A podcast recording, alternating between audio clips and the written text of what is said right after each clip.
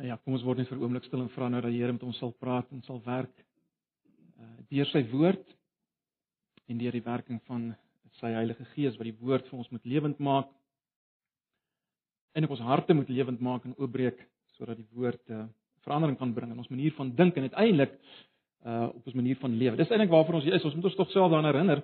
Ons is ten diepste hier om uiteindelik um uh, verander te word uh deur die woord en deur die Gees. Uh, vir die een rede en dit is om om God kan groot maak in alles wat ons dink en sê en doen. Want dis ons groot stryd, is dit nie?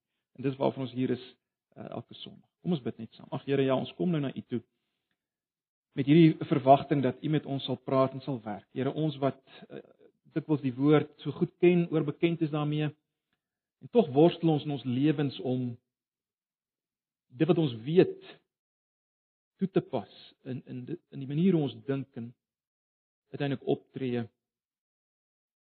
Dit dis wat ons u nodig het, Here, ook in hierdie oggend om met ons te kom werk. Wil jy ons vanoggend uh, kom bemoedig en versterk daar waar dit nodig is? Om aanspreek waar nodig is. Bring verandering waar nodig is asseblief. Ons vra dit net in Jesus se naam. Amen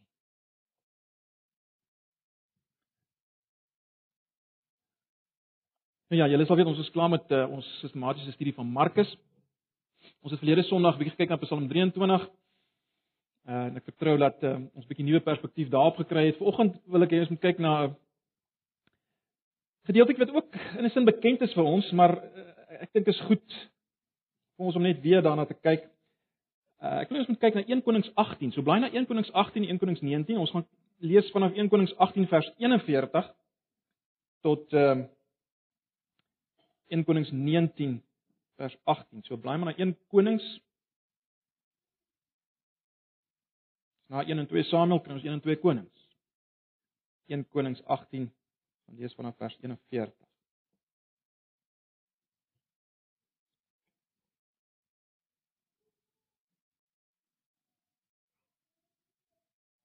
Hierdie konteks uh Elia was nou klaar op die berg Karmel, profete van Baal uitgedaag, die volk uitgedaag om 'n keuse te maak.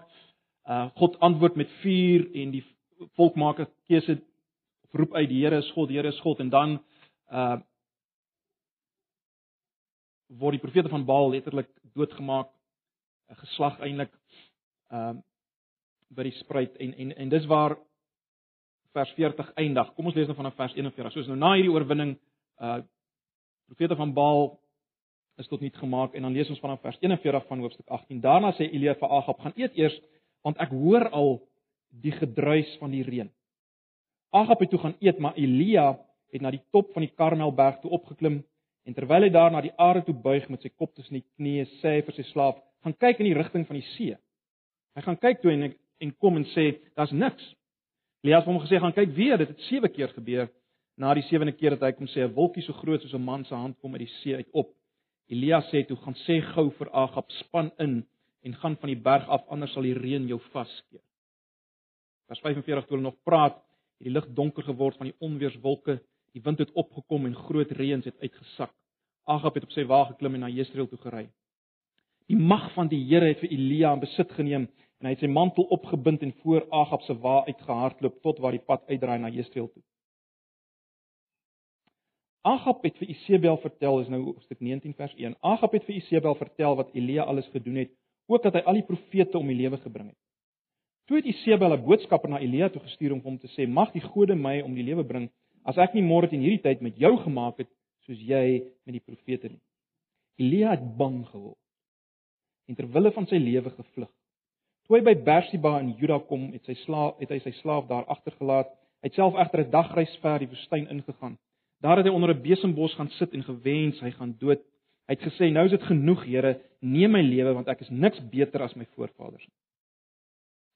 Toe gaan hy uh, toe gaan hy lê en hy het daar onder die besembos aan die slaap geraak. Toe hy hom weer kom kry, 'n engel aan hom en sê word wakker, eet.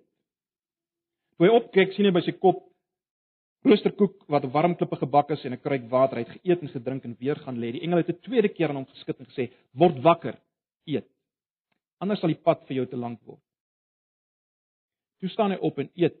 en deur die krag van die kos kon hy 40 dae en 40 nagte lank loop tot by Horeb, die berg van die Here. Hy het in 'n grot ingegaan en die nag daar deurgebring, toe die woord van die Here tot hom gekom en hom gesê: "Wat maak jy hier, Elia?" Of wat soek jy hier as jy 53 vertaling het? Hy antwoord toe: "Ek het my met hart en siel gewy aan die saak, Here Almagtige God. Die Israeliete het die verbond met U verbreek. Hulle het U altare afgebreek en U profete doodgemaak. Net ek alleen het oorgebly en hulle soek my om my ook om die lewe te bring. Maar die Here sê vir hom: "Kom uit en gaan op en gaan staan op die berg voor my, die Here. Ek wil verbygaan." Skielik was daar 'n baie sterk wind wat die berg stikkend geruk en die rotse gebreek het voor die Here. Maar in die wind was die Here nie. Na die wind was daar 'n aardbewing, maar in die aardbewing was die Here nie. Na die aardbewing was daar 'n vuur, maar in die vuur was die Here nie en na die vuur was daar 'n fluistering in die wind stilte. Toe Elia dit hoor, het hy sy gesig met 'n mantel toegemaak en by die bek van die grot gaan staan. Toe hoor hy 'n stem wat vir hom sê: "Wat maak jy hier, Elia?" Hy het geantwoord: "Ek het my hart en siel gewy aan U saak, Here God Almagtige." Of Here Almagtige God, die Israeliete het die verbond met U verbreek. Hulle het die altare afgebreek en die profete doodgemaak. Net ek het oorgebly en hulle soek my om my ook om die lewe te bring. Maar die Here sê vir hom: "Draai in jou spore om na die Damaskus woestyn toe. En as jy daaraan gekom het, moet jy vir Gasael salf tot koning van Aram. Jy moet ook vir Jehu seun van Nimsi salf tot koning van Israel en vir Elisa seun van Safat uit Abel Megola moet jy salf tot profeet om jou op te volg." Dan net vers 18 kom ons slaan net die 17 oor. Maar ek sal in Israel die 7000 laat oorbly wat nie die Baalbeeld aanbid het nie. Nou is dit net so ver. Nou die die Wêreldgesondheidsorganisasie WHO voorspel dat depressie in die jaar 2020 die tweede grootste oorsaak van die globale siektelas sal wees. Nou, weer eens, mense sou graag vanoggend wou sê dat Christene nie enigstens deur hierdie statistieke geraak behoort te word. In ander woorde dat Christene nie depressief is nie of ten minste nie behoort depressief te wees. Jy sou dit graag vanoggend wou sê. Maar ek dink julle weet so goed as ek, dis nie die waarheid. Dis nie die waarheid. Christene ly aan depressie en baie keer juis die feit dat hulle Christene is, uh, veroorsaak of dra ten minste dikwels by tot depressie. Juist die feit dat hulle Christene is, dra dikwels by tot depressie. Nou, ek wil nie vanoggend probeer uh, om 'n omvattende beskrywing van depressie, al die oorsake, gevolge en al die geneesmiddels te gee nie. Uh ek, ek is nie bevoeg daarvoor nie. Maar ek dink tog dat uh die depressie waarmee die meeste van ons bekend is, het sy eerstehands of as gevolg van uh iemand na aan ons het die volgende kenmerk en ek gaan dit probeer uitlig. Eerstens is daar gewoonlik 'n sterk gevoel van verlies aan eie waarde. Daar's 'n sterk gevoel van verlies aan eie waarde. Wie's ek nou eintlik? Wat kan ek nou eintlik doen? As die mense werklik weet wie ek is of weet wie ek werklik is. So dat hierdie sterk gevoel van verlies aan eie waarde. Dan daar 'n oorgevoeligheid dikwels. Ons voel kwesbaar, weerloos. Emosies sit los. Ons huil maklik. Of aan die ander kant voel jy dof en onverskillig. Uh op 'n vreemde manier is jy eintlik gevoelloos. Jy kan niks geniet nie. Jy voel verlam en onttrek. En as daar kommunikasieprobleme en so meer ontstaan, wel, dan voel jy weer dis jou skuld. Dan is daar 'n derde ding en dit is die vermindering van geesteskrag. Alles voel swaar, jy het min energie. Alles voel swaar en jy het min energie. En dan vierdens is daar 'n verlies aan perspektief. Jy het net eenvoudig geen perspektief meer nie. Daar's geen toekoms nie. Jy staan voor 'n muur. Uh jy's nêrens heen op pad. Dis min of meer die kenmerke van die depressie dink ek wat wat dikwels aan ons bekend is. Uh dalk sukkel jouself daarmee, iemand na aan jou. Met ander woorde om dit op te som, 'n gevoel van ek is niks, ek kan niks, ek voel niks, ek het niks, ek wil niks en ek voel ongelukkig met God. So dit dis die tipe depressie wat ek vanoggend ten minste in gedagte het. Uh, ek weet dis 'n groot onderwerp. Maar dis dis hierdie tipe depressie wat ek in gedagte het. En ek wil hê ons moet daarna kyk aan die hand van die gedeelte wat ons gelees het of in die lig van die gedeelte wat ons gelees het. Ons moet kyk daarna as Christene. Uh en ek wil hê ons moet ons moet iets leer, iets raak sien uh wat ek vertrou ons kan help. Uh en ek vertrou dat die Here ons gaan help deur dit. So kom ons kyk 'n bietjie hierna. Kom ons dink net eers oor Elia.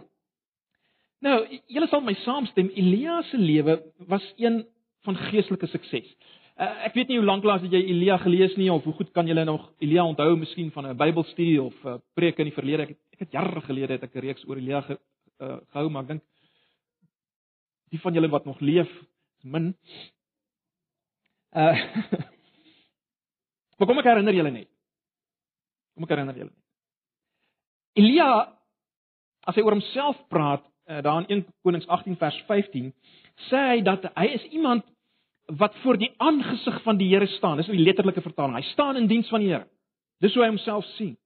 Dis iemand wat die stem van die Here dikwels gehoor het en daarop gereageer het. Dink maar net uh hoe hy God ervaar het op bonatuurlike wyse.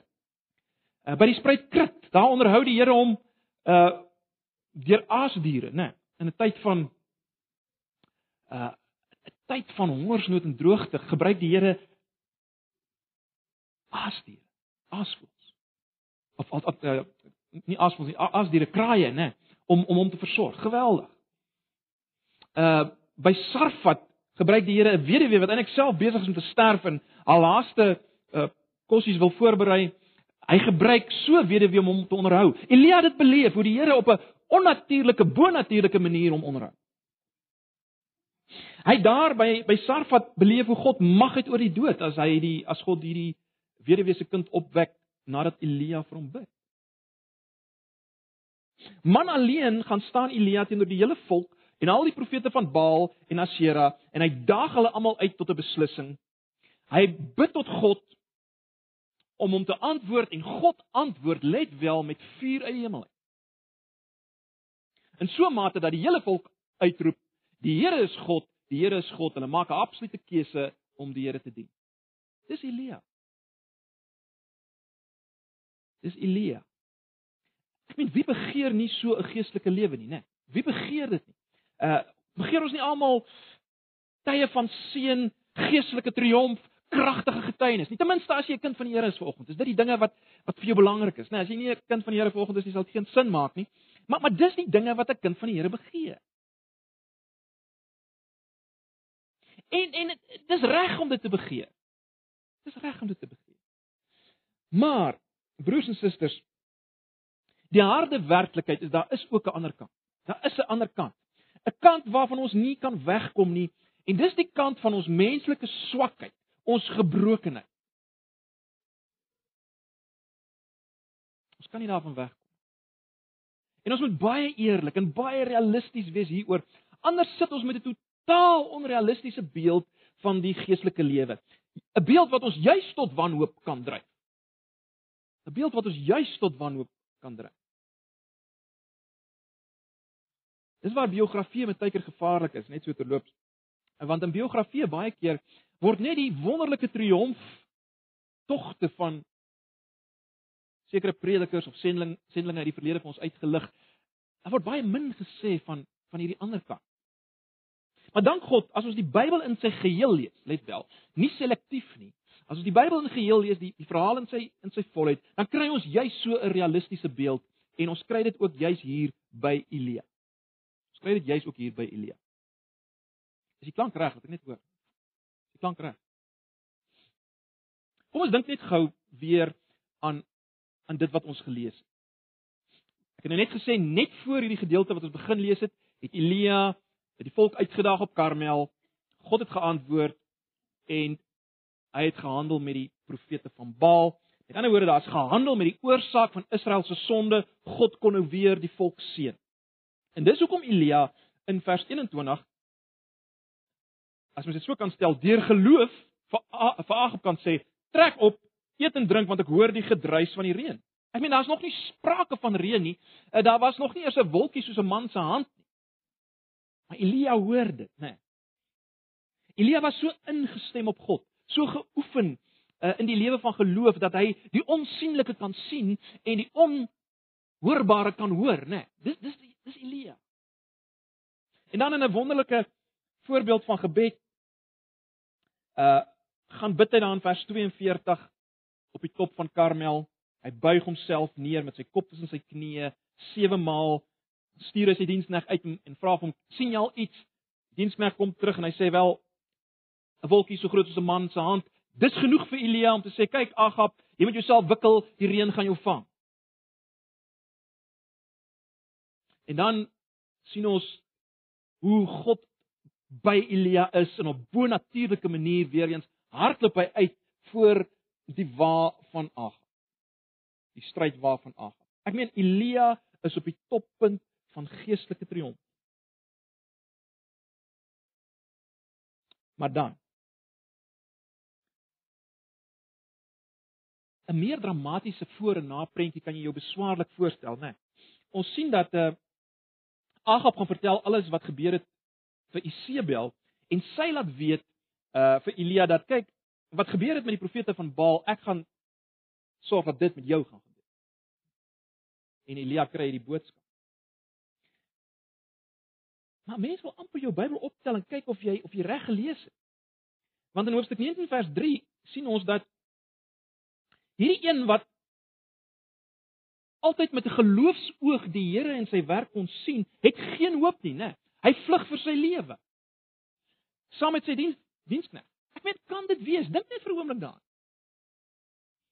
Hierdie geloofsheld wat sonder enige wapens ontbloot voor Agab gestaan het, onbeangs van aangesig tot aangesig. Agab onthou nou wat net sy vingers kon klap en Elia was daarmee heen. Elia het voor Agab gestaan. As jy teruggaan na hoofstuk 18 toe, onbewapen.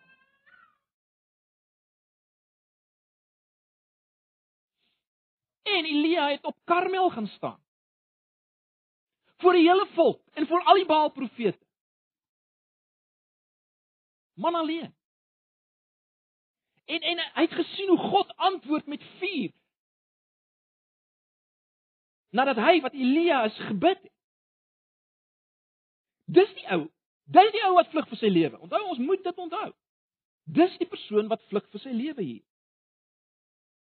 Op 'n onverklaarbare wyse is hierdie blote gerug. Let wel, dis nog net 'n gerug.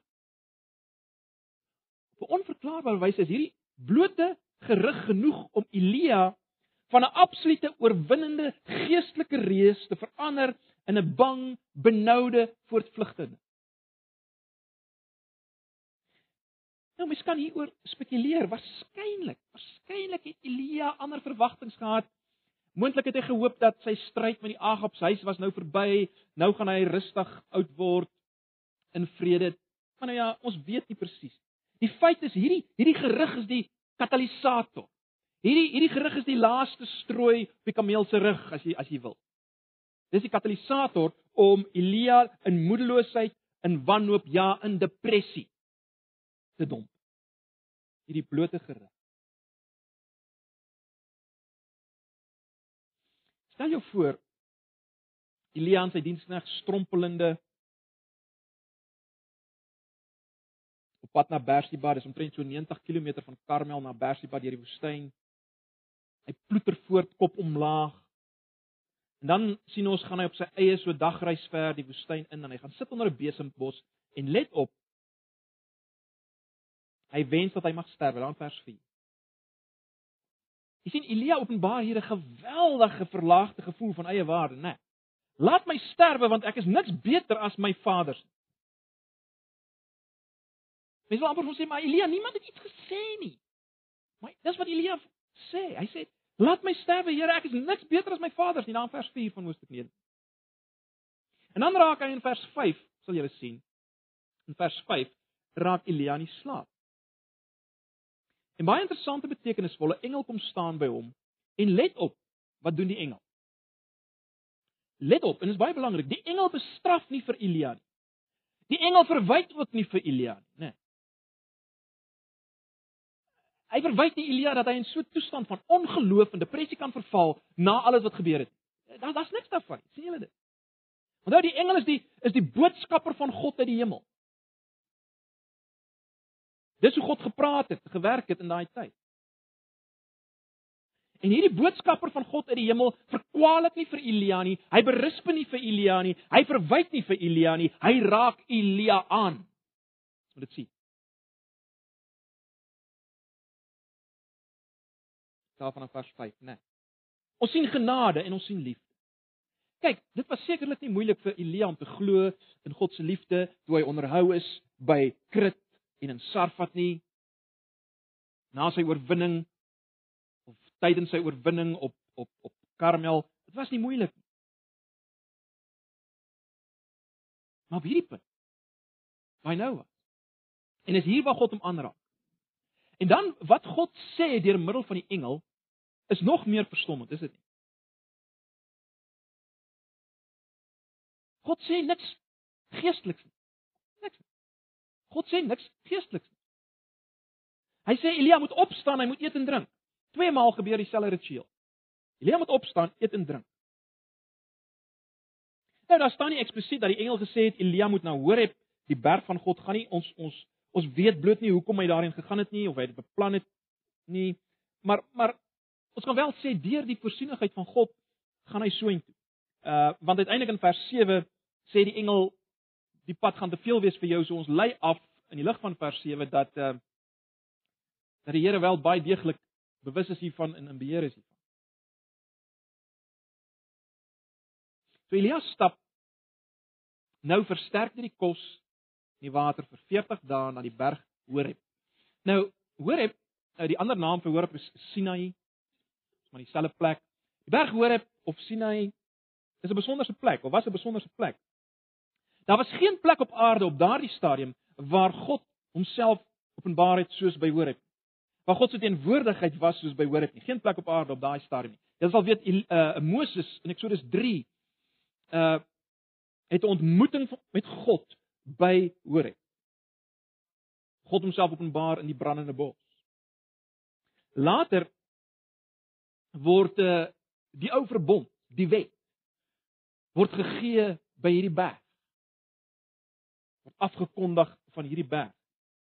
Uh dit was waar Moses vir 40 dae en nagte in die teenwoordigheid van God was tydens daai gebeure by hierdie berg. So dit was die plek waar jy God kon ontmoet. En ons sien in vers 9 wanneer Elia by die berg kom, dan vra God: Wat maak jy hier? Wat soek jy hier? Wat maak jy hier, Elia? Baie interessant. Hy laat Elia as te ware uitpraat, né? Nee, hy laat toe dat Elia praat. Is net so terloops interessant dat die dat Elia nie die Here hier aanspreek as my God soos hy op Karmel toe hy daar gebid het om aanspreek nie, maar ek eh, wil nie te veel daarvan maak nie. Maar hoe dit ook al sê, God sê dan vir hom in vers 11 van 1 Konings 19: "Gaan uit, staan op die berg voor die aangesig van die Here." En dan kom die Here en openbaar, hy wys homself aan Elia. Nou julle sal onthou in Eksodus 34 vers 6 kry ons iets soortgelyks, né? Wanneer God sê hy hy gaan verbygaan by Moses En dan dan sien Moses as ware net sy agterkant en dan hoor Moses uh, daai geweldige woorde wat van van God dat hy sê ek is genadig en barmhartig. Nee. Dis God se woorde. God maak homself so bekend. En dieselfde God laat nou weer Elia as te ware is wat ek so sê, dieselfde God gaan as te ware nou weer verby Elia. Hy sê dieselfde. Hy sê dieselfde as wat hy gesê het vir Moses, maar nou doen hy dit deur die natuurelemente in vers 11 en 12. In vers 11 en 12 van uh, van 1 Konings 9. Hy sê dieselfde deur die natuurelemente. Daar's eers 'n groot en magtige wind uh wat die berge en rotse skeur, maar die Here was nie daarin nie. Daar's 'n aardbewing. En uiteindelik vuur. Die Here was nie daarin nie. En dan's daar die gesuis, soos die ou vertaling dit stel, die gesuis van 'n sagte koelte. En dis wat die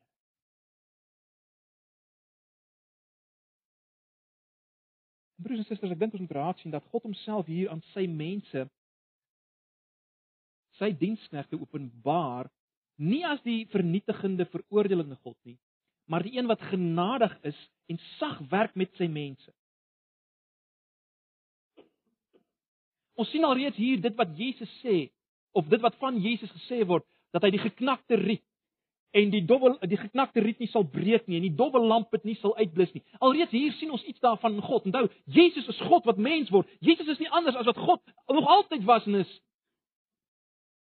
Ja natuurlik, God is die verterende vuur God. Hy steeds die ontzagwekkende verterende vuur God. En hy giet dit uit op sy teenstanders. En as jy vanoggend sy teenstander is en teen hom is en jy buig nie voor Jesus nie, uiteindelik sal jy daarmee te doen kry. Daar daar daar daaroor ons baie duidelikheid het. Maar vir sy mense vir sy mense is God die een wat sagkens werk. Hy's die God van die stilte, hy werk sagkens te midde van al sy oordeel oor die volk se sonde het hy genade vir sy dienaar, né? Nee, hy het genade vir sy dienste.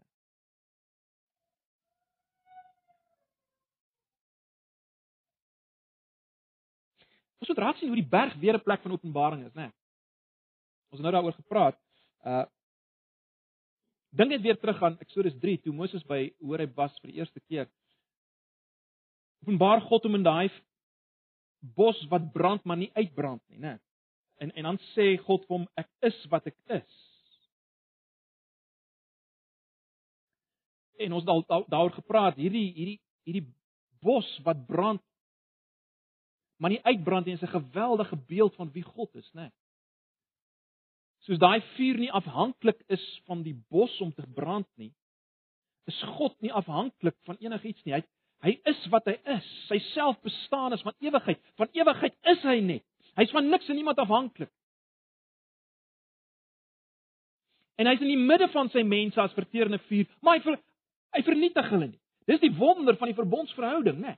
En en dit word alles afgebeeld deur die brandende bos wat nie uitgebrand wat wat Moses gesien het in Eksodus 3. Geweldige beeld van God. God openbaar homself so. Nou doen God dit weer. God doen dit nou weer. En wat hy nou veral wys hier in hierdie sagte wind is sy absolute genadige karakter.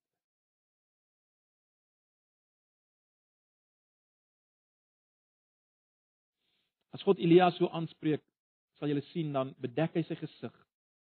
Wat natuurlik daarop dui dat hy in die teenwoordigheid van God is. Nee, mens dink aan Jesaja 6 wat daar gebeur het. Moses het ook sy gesig bedek. Elia weet hy's nou in die teenwoordigheid van God. Let wel. God wat in die sagte stilte kom. En dan die ongelooflike. God sê nie vir Elia: "Kyk Elia, omrede jy hierdie houding ingeslaan het, kan ek jou nie verder gebruik nie. Dit was goed om jou te gebruik tot tot op hierdie punt, maar jy's bloot nie sterk genoeg vir hierdie werk nie. Uh jy het dit nie gemaak nie. Ek kan nie sulke mense soos jy gebruik nie. Ek ontslaan jou uit my diens. Jammer, ek kan jou nie verder gebruik nie. Dis nie wat God doen nie, né? As jy kyk na vers 15 dan herstel God Elia in sy diens. En hy gee hom nuwe werk, né? Twee ouens wat hy moet gaan salf. Hy gee hom nuwe werk. En benewens die feit dat God vir Elia nuwe werk gee, bemoedig hy hom in vers 18 as hy sê kyk, daar's 7000 ouens. Het gedink jy's een af hulle. Maar daar's 7000 ouens wat ook nog nie die knie gebuig het voor Baal. So so wat God doen, hy gee hom nuwe werk en hy gee hom nuwe perspektief. Hy wys vir hom op die 7000 wat nog nie die knie gebuig het. So wat sê dit alles vir ons? Kom ons bring dit net weer bietjie nader aan onsself. Kan ons hierdie gedeelte van Elia gebruik vir ons vir oggend, ons wat hier sit, baie baie jare daarna? Wel, in die eerste plek, ons weet nou al 'n uh, eh, gedeelte soos Romeine 15 vers 4 wat sê alles wat in die verlede opgeskrywe is, is tot ons lering opgeskryf. Dit beteken ook hierdie gedeelte uh in 1 Konings 18 en 19. Paulus kom onder leiding van die Gees Romeine 15 vers 4 en sê dit alles is vir ons om ons te bemoedig en ons te versterk. Romeine 15 vers 4. En dan weet ons ook nou al, ja, ek gaan nou nie weer daarop uitbrei nie, maar ons as Nuwe Testamentiese Christene wat leef na die koms, die dood en die opstanding van Jesus, moet ons self altyd afvra, hoe openbare Ou Testamentiese gedeelte Christus. Want in diepste gaan die hele Ou Testament eintlik oor Christus, wat die twee kante van die verbond vervul. Ek wil vir jou God wees, jy my volk wees. Beide kante word vervul deur Christus en daarom gaan die hele Ou Testament ook oor Christus. Ek wil nie daarop uitbrei nie, maar onthou dit net. So in die eerste plek, ons moet onsself afvra hoe openbaar 'n gedeelte soos hierdie gedeelte Christus en dan moet ons onsself afvra, maar goed. Wat is ons verhouding tot Christus? En wat sê hierdie gedeelte daarom vir ons as ons dit deur Christus lees? Nee, wat sê hierdie gedeelte daarom vir ons as ons dit deur Christus lees? Nou, net baie kortlik, is interessant. As 'n mens na Elia kyk, uh is baie interessant dat Jesus op eksplisiete wyse sy bediening vergelyk het met die bediening van Elia en Elisa. Kyk maar in Lukas 4 vers 25 tot 27. Baie van dit wat Jesus later in sy bediening doen, stem geweldig ooreen uh met hierdie profete. Daar's baie gedeeltes. Lukas 7, Lukas 9 en so meer. Maar ons weet ook Jesus is meer as Elia, né? Nee, Dink aan die berg van verheerliking waar Moses en Elia verskyn en dan kom daar 'n stem uit die hemel wat sê: "Dit is my geliefde seun, luister na hom." Hy's meer as Elia, meer as Moses. Ons weet uit Hebreërs 1 vers 1, nadat God baie keer en op baie maniere met ons voorvaders gepraat het deur die profete, het hy nou met ons gepraat, letterlik vrede tyd, deur die seun. Jesus is God se laaste omvattende woord aan ons. En ons as Nuwe Testamentiese gelowiges is in Jesus, né? Nee. Om 'n Christen te wees beteken ek is in Jesus. Dit kom oral voor in die Nuwe Testament. Met ander woorde, ons kan verwag dat as die pad wat God met Elia gestap het, as te ware vervulling vind in Jesus, wel dan gaan ons dieselfde pad stap. Terloops 1 Petrus 2 vers 21 roep ons eksplisiet op om te volg in die voetspore van Jesus, né? Nee. Ons word opgeroep daar. Nou as jy dit alles in gedagte hou, is dit baie interessant. Die die knegliedere, sogenaamde knegliedere van Jesaja, daai daai laaste hoofstukke van Jesaja 40 en verder. Baie interessant. Ag, uh gaan lees dit tog weer. Mens kry amper biografiese materiaal oor Jesus, nê, nee, want baie duidelik in in Jesaja 53 gaan sien jy die een waarvan gepraat word, hierdie geheimsinnige knegg, van wie jy met tyd nie weet is dit nou Israel of is dit nie. Baie duidelik word daar later van 'n individu gepraat. In Jesaja 53 word vir ons baie duidelik dis Jesus, hierdie knegg. Baie interessant. Gaan lees daai laaste hoofstukke van Jesaja. Maar nou is dit interessant in hierdie gedeeltes in Jesaja 49 vers 6 praat hierdie knegg wat ons nou weet eintlik niemand anders is as Jesus nie. En dan dan sê hy die volgende: Te vergeef sit ek my vermoei. My krag vir niks en vrugteloos verteer. Nogtans is my reg by die Here en my loon is by God. Maar let op.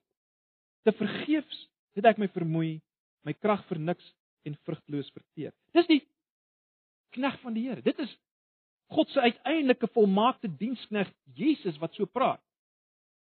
En dan oor na sy mensheid was hy ook in hierdie toestand van Elia. En let wel, dit was nie sonde nie want ons weet Jesus was sonder sonde. Maar hy was in die toestand van uitsigloosheid, baie interessant. En daarom broers en susters, hoeveel te meer sal ek en jy daar kom? Of hoeveel te meer kan ons daar kom? Moet ek dit eerder so stel.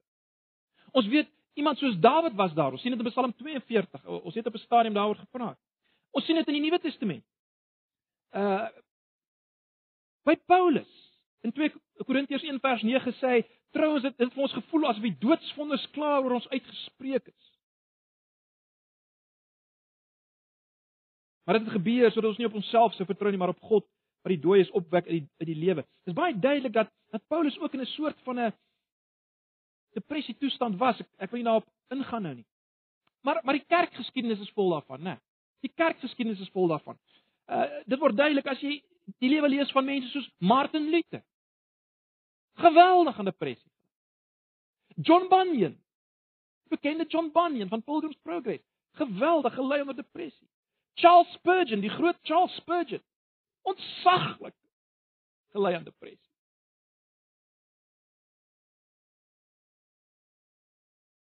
En dan sekerlik die beste voorbeeld van iemand wat hiermee geworstel het was die gesangskrywer William Cowper. Hy het die wonderlikste, heerlikste gedigte en liedere oor die Here geskryf en oor die geestelike lewe. Maar hy het geweldige aanvalle. Basies ses groot sulke aanvalle van wanhoop en depressie beleef. Hy wou sy eie lewe neem. Uh, wonderbaarlik beskerm deur die Here. Maar maar geweldig depressie. Op 'n stadium het hy het hy die volgende gesê uh, as hy sy hart as te ware uitpers op papier. Hy sê, "Where is the blessedness I knew when I first saw the Lord? Where is the soul refreshing view of Jesus and his word?" Haast. Cowper sien homself as 'n miserabele, uitgeworpene wildsbok. Dis hoe hy homself sien. En dan oor hoekom hoekom noem ek hierdie dinge? Ag, broers en susters, maar net dat ons moet weet die die grootste diensknegte van die Here, soos Elia, en dit stop nie net by hom nie, dit gaan dwars deur die geskiedenis. God se mense, God se diensknegte het iets hiervan beleef. En daarom moet ek en jy nie dink ons is verhef bo dit. Daarom moet ons nie dink dit kan nie gebeur met my. En as dit gebeur, moet ons nie dink dit gebeur net met my. Kom ons dink net vir 'n oomblik weer oor wat wat is die wat is die redes vir hierdie toestand? Wat is die oorsake? Nou, weer eens, daar daar's natuurlik fisiologiese faktore. Daar's hormoonwanbalanse en die goeters wat die direkte oorsaak van depressie kan wees. Ek ek kan nie nou daarmee handel nie, né? Maar ek dink tog daar's sekere dinge wat ons sien hier by Elia waarop ons moet bedag wees as ons as ons worstel met hierdie hele ding van depressie. En ek dink die eerste ding wat ons moet sien is dat Elia het waarskynlik sekere verwagtinge gehad wat nie gerealiseer het. In ander woorde, wat wat ek so stel, hy het sekere verwagtinge gehad van die lewe na Karmel wat nie gerealiseer het. By jou kan dit iets anders wees. Jou verwagting van 'n gelukkige huwelik as Christen is dalk vernietig. Jou verwagting. Jou kind van wie jy so baie verwagting gehad het, met soveel potensiaal, het rebels geraak weggedryf van Christus, die wêreld begin dien. 'n Oënskynlike belowende beroep is toe nou nie so belovend soos dit gelyk het nie en en en elke dag is 'n worsteling. 'n Verhouding met 'n vriend of 'n vriendin het skeef geloop. Dalk is jy volgens hierde alleenloper. En uh jou hoop op 'n huwelik het net nooit gerealiseer. Of dit lyk nie vir jou dit gaan realiseer. Dalk het 'n finansiële belegging ineengestort en niks van dit waarop jy gehoop het. Daai materiële sekuriteit wat waarvan jy gedroom het, niks het daarvan gekom nie. Ag, daar's baie voorbeelde, né, wat ons kan. Maar ek dink die belangrike is dat 'n dat 'n eertydse verwagting het nie gerealiseer nie, dit het ineengestort. Dis die katalisator. Wat is die genees? Wat kan 'n mens doen daaroor? Wat sien ons in hierdie gedeelte wat ons kan help daarmee? Wel, ek dink tog ons sien iets hier van die belangrikheid van die fisiese toestand van jou liggaam, né? Nee. Dis wat die Here met Elia gedoen het. Toe Elia in hierdie toestand was, het die Here nie vir hom gesê jy moet nog meer gaan bid. Hy sê vir hom jy moet slaap en eet. En dis belangrik, né? Nee. Ons moet nooit vergeet dat ons 'n psigosomatiese wesens, liggaam en gees is 'n eenheid. As jy die een afskeep, gaan die ander een daaronder lê nie. Ons moet dit onthou. Ons is mense. So daarom kyk na jou liggaam. Kyk na jou liggaam. Pas jou liggaam op. As jy nie jou liggaam oppas nie, is jy besig om te mors met dit wat God vir jou gegee het, die instrument waardeur hy homself wil verheerlik. Jy moet kyk na jou liggaam. Dis belangrik. En dan baie belangrik jou denkprosesse moet verander. Dis wat God met Elia gedoen het, is dit? Dis wat God met Elia gedoen het. Sy denke oor God moes verander. Sy denke oor homself en sy werk moes verander, sy toekoms. Jy sien jou denke, hoe jy dink, het natuurlik 'n geweldige invloed op jou gevoelens. As jy jouself, as jy jou denke heeltyd vul met negatiewe dinge, dan dan voel jy sleg. Ons weet dit, jou liggaam skei eintlik daai hormone af en jy voel ongelooflik sleg. Ons weet dit. Jy kan jouself letterlik totaal siek dink. Jy sien dikwels is ons depressie soos Elias se op onvolledige inligting gebaseer. Elia het gedink hy is alleen. Elia het gedink die werk van die Here gaan in duie stop as hy nie meer daar is. Elia het gedink dat daar niks meer vir hom te doen is nie. Dan daar's niks meer wat hy eintlik nou kan doen nie. Hy het gedink alles is verniet. So die Here moes vir hom nuwe inligting gee. Baie belangrik. Die Here moes vir hom nuwe inligting. En net so kan 'n Christen in 'n toestand van absolute wanhoop dink wel niemand het my meer nodig nie. Ek is van geen nut nie. Daar's niks meer oor om voor te lewe nie. Kyk, ek is nou al oud, ek is 70, 75, 80. Ek is ek het 'n gebrek, wat die geval mag wees. Maar dis nie die volle waarheid. En as jy vra net hoe kom 'n ou by daai punt wat jy begin kan begin nie dink. Hoe hoe kom jy daar? En ek dink tog die antwoord in 'n sekere sin broers en susters is dat ek en jy moet ook op die berg gaan staan. Let wel nie op Horeb nie. Op Golgotha. En ook by die berg in Galilea waar Jesus na sy opstanding verskyn het volgens Matteus 28 vers 16. Dis waar ons moet gaan staan. Jy sien daar moet ons hoor wie is God. Daar moet ons hoor van die God wat ons swakheid ken, die een wat dit in sy liggaam gedra het. Die een wat wat vir ons onvolmaaktheid en sonde gesterf het. Deurboord. Ons moet dit hoor. Hy ken swaar kry. Hy ken lyding. Hy ken onskynlike godverlatenheid. Hy en hy het in ons plek daarvoor juis gesterf. Dis die God met wie ons te doen het. Wat genadig wil wees, absoluut genadig wil wees. Absolute liefde. Ons moet dit hoor op Golgotha.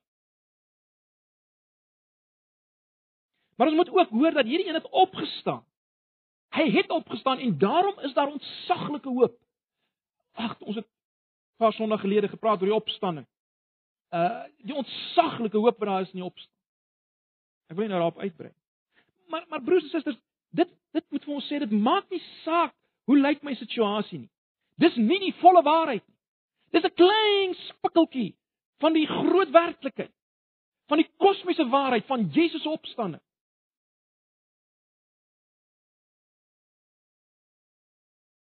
Ek dink oor dinge is nie die volle waarheid nie volle waarheid word gesien in die opstanding van Jesus. Die volle waarheid is in Jesus is ek meer as 'n oorwinnaar. Die volle waarheid in Jesus is ek nie nutteloos nie. Die volle waarheid is in Jesus het ek 'n doel. Let wel in Jesus. Nie omdat jy so wonderlik is, so 'n wonder, so wonderlike mens is. Ag, onthou julle vir Petrus. Julle onthou hoe hy Jesus verloon. En dan kom Jesus in Johannes 21 vers 15.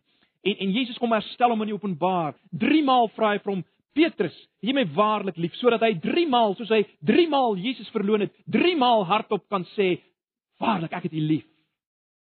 Baie interessant, wat doen Jesus dan? Hy sê vir hom: "Petrus, laat my lammers wy." Ek vertrou jou, Petrus. Ek gee vir jou nuwe werk, Petrus. Jy het my verloon. Jy het gesê jy ken my. Maar Petrus, dis my skaap. Pas op, laat my lammers wy. Petrus is die een op wie die kerk van Jesus gebou word. Petrus.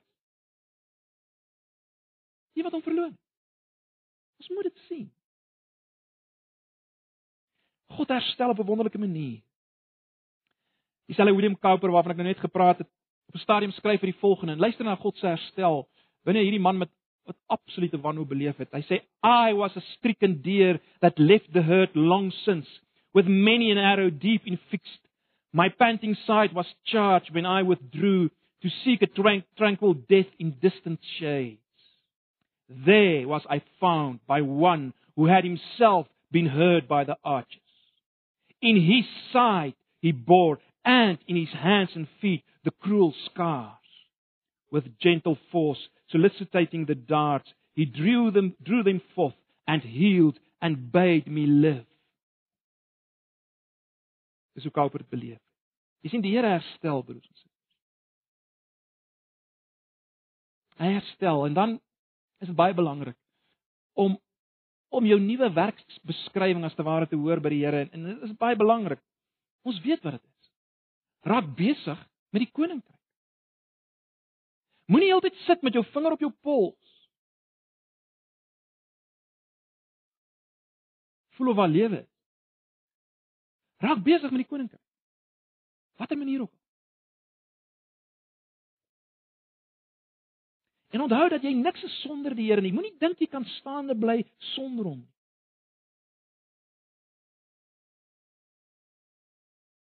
In afhanklikheid van die Here begin besig raak met die koninkryk van die Here. Ag, en dan het 'n baie belangrike punt wat ek wil byvoeg en dit is die belangrikheid van die gemeente. Julle sal weet in Hebreërs 12, ek wil nie nou dit alles herhaal, maar Hebreërs 12 is daai pragtige prentjie wat wat die skrywer skets wat hy sê julle het nie gekom by die brandende berg en en en en alles wat daar gebeur het nie, maar julle het gekom by die berg Sion en dan skep hy die kontras tussen die ou bedeling en die nuwe bedeling en die en die groot punt is dat Nuwe Testamentiese gelowiges, mense wat deel het aan die kerk van Jesus Christus, die ge ge gemeente. Elke gemeente is 'n plaaslike gestalte van die kerk van Jesus. Mense wat gekom het, wat deel is van die gemeente, het alreeds gekom weer by 'n berg. Berg Sion. Wat probeer ek sê? Versterking, vertroosting, nuwe perspektief kom in die gemeente. Dis waar ons mekaar help daarmee. My broers en my susters wat die hande en die voete en die oë en die ore en die mond van Jesus is op aarde. Dis 'n realiteit. Ons moenie hierdie goed altyd vergeeslik. Dis dis Jesus is hier in ons. En dis waar ons versterking ook gaan kry. Dis die berg waar ons waarby ons moet kom ook. 'n Groot maat herstel van depressie. Ag, dan net 'n laaste gedagte. As jy volgende hier sit as 'n nie-Christen, iemand wat weggedryf het van die Here, onthou die logiese uiteinde van 'n lewe vir die wêreld of jouself is depressie. Want daar's geen sin nie, daar's geen rigting nie, daar's geen doelwit nie. Jy leef vir jouself en plesier en as jy as jy daarmee klaar is, dan is daar niks oor nie. En jy kan probeer versterking vind in allerlei dinge wat die wêreld kan bied. Maar dit gaan nie hou nie. 'n Nie-Christen, die logiese einde van 'n nie-Christen se lewe is depressie. So daarom kom, vlug na Jesus. Vlug na hom, buig voor hom, omhels hom en beleef dit wat Elia beleef het by die berg. Meer en meer elke dag sy genade, sy liefde, sy herstel. Ag mag die Here sy woord gebruik om ons te bemoedig en te versterk. Kom ons bid saam.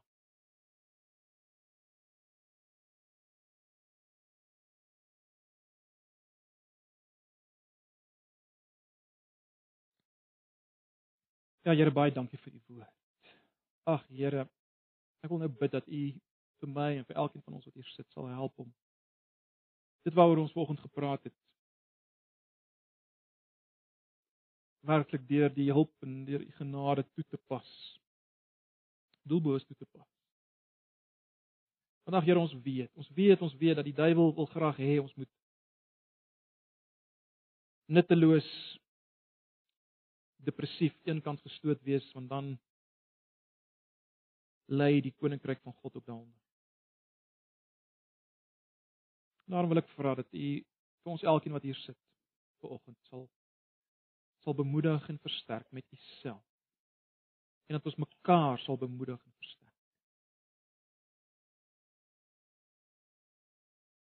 sodat ons in hierdie wêreld kan leef as boodskappers van God soos Elia eer van die naam tot uitbouing van die koninkryk. Asseblief. Ons vra dit in Jesus se naam. Amen.